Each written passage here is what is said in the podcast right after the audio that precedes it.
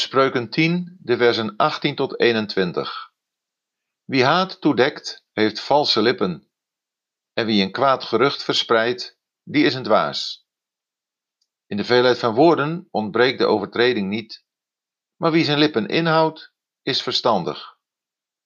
De tong van de rechtvaardige is het beste zilver, het hart van de goddelozen is weinig waard. De lippen van de rechtvaardige voeden velen, maar de dwazen sterven door gebrek aan verstand. Haat toedekken, het verkeerde verbergen, is hypocriet en getuigt van valse lippen. Wie haat toedekt is een leugenaar, want hij houdt zijn ware bedoelingen verborgen. Hij doet lief, maar in zijn hart brandt de haat. Zo iemand was Absalom in zijn benadering van Amnon. De tweede versregel spreekt over een mogelijk nog groter kwaad. Dat betreft het verspreiden van kwaad gerucht.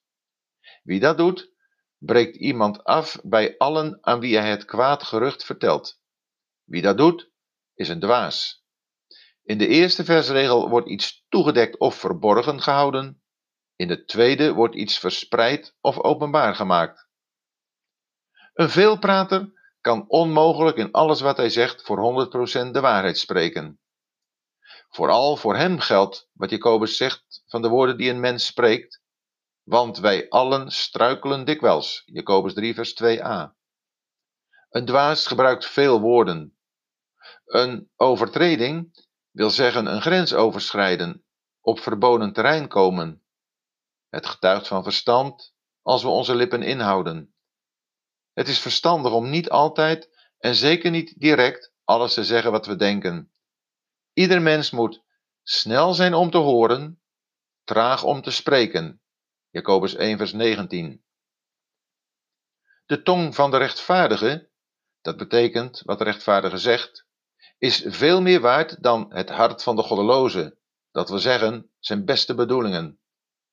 Het contrast tussen beide uitdrukkingen is dat tussen het uiterlijk en het innerlijk. Het uiterlijk is de tong, ofwel wat wordt gezegd. Het innerlijk is de gezindheid van het hart, ofwel wat men van plan is. Daar hoort een gezond evenwicht tussen te zijn. Wat de rechtvaardige zegt, heeft de waarde van het beste zilver, terwijl wat de goddeloze van plan is, geen enkele waarde heeft. De Heer Jezus had een tong van het beste zilver, want hij gebruikte zijn tong nadat hij onderwijs had ontvangen. Daardoor wist hij met de vermoeide een woord op de juiste tijd te spreken. Jesaja 50 vers 4. Zilver is een beeld van de prijs die voor de verlossing moet worden betaald. De woorden van de Heer Jezus waren erop gericht om mensen te verlossen.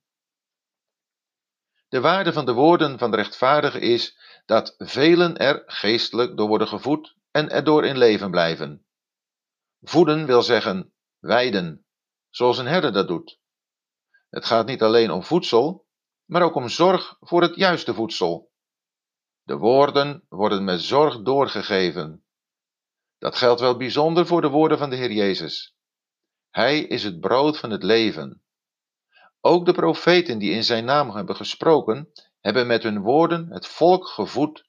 Ze hebben het goede geestelijke voedsel gegeven. Die woorden bouwen op. De taak van de herder en leraar in de gemeente is ook om de gemeente op te bouwen. De dwazen ontbreekt het aan verstand. Zij willen niet door de lippen van de rechtvaardige gevoed worden. Zij verachten zijn woorden. Daarmee wijzen ze het leven af. Wie hem, de Heer Jezus, verwerpt en zijn woorden niet aanneemt, zal geoordeeld worden door het woord dat hij heeft gesproken.